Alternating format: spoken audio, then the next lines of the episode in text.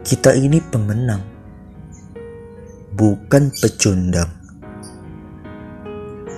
Ragu-ragu menjadi penghambat. Tidak ada gunung yang tidak dapat didaki. Hanya ketakutan yang dapat menggerogoti. Jangan bicarakan kekalahan. Membuat tumpul semangat perjuangan. Percayalah akan sebuah keberhasilan. Walau jalan terjal masih banyak menghadang. Kita menutup harapan ketika ruang ketakutan diberikan. Pikirkan tentang kebahagiaan. Pikirkan suatu hal yang menyenangkan.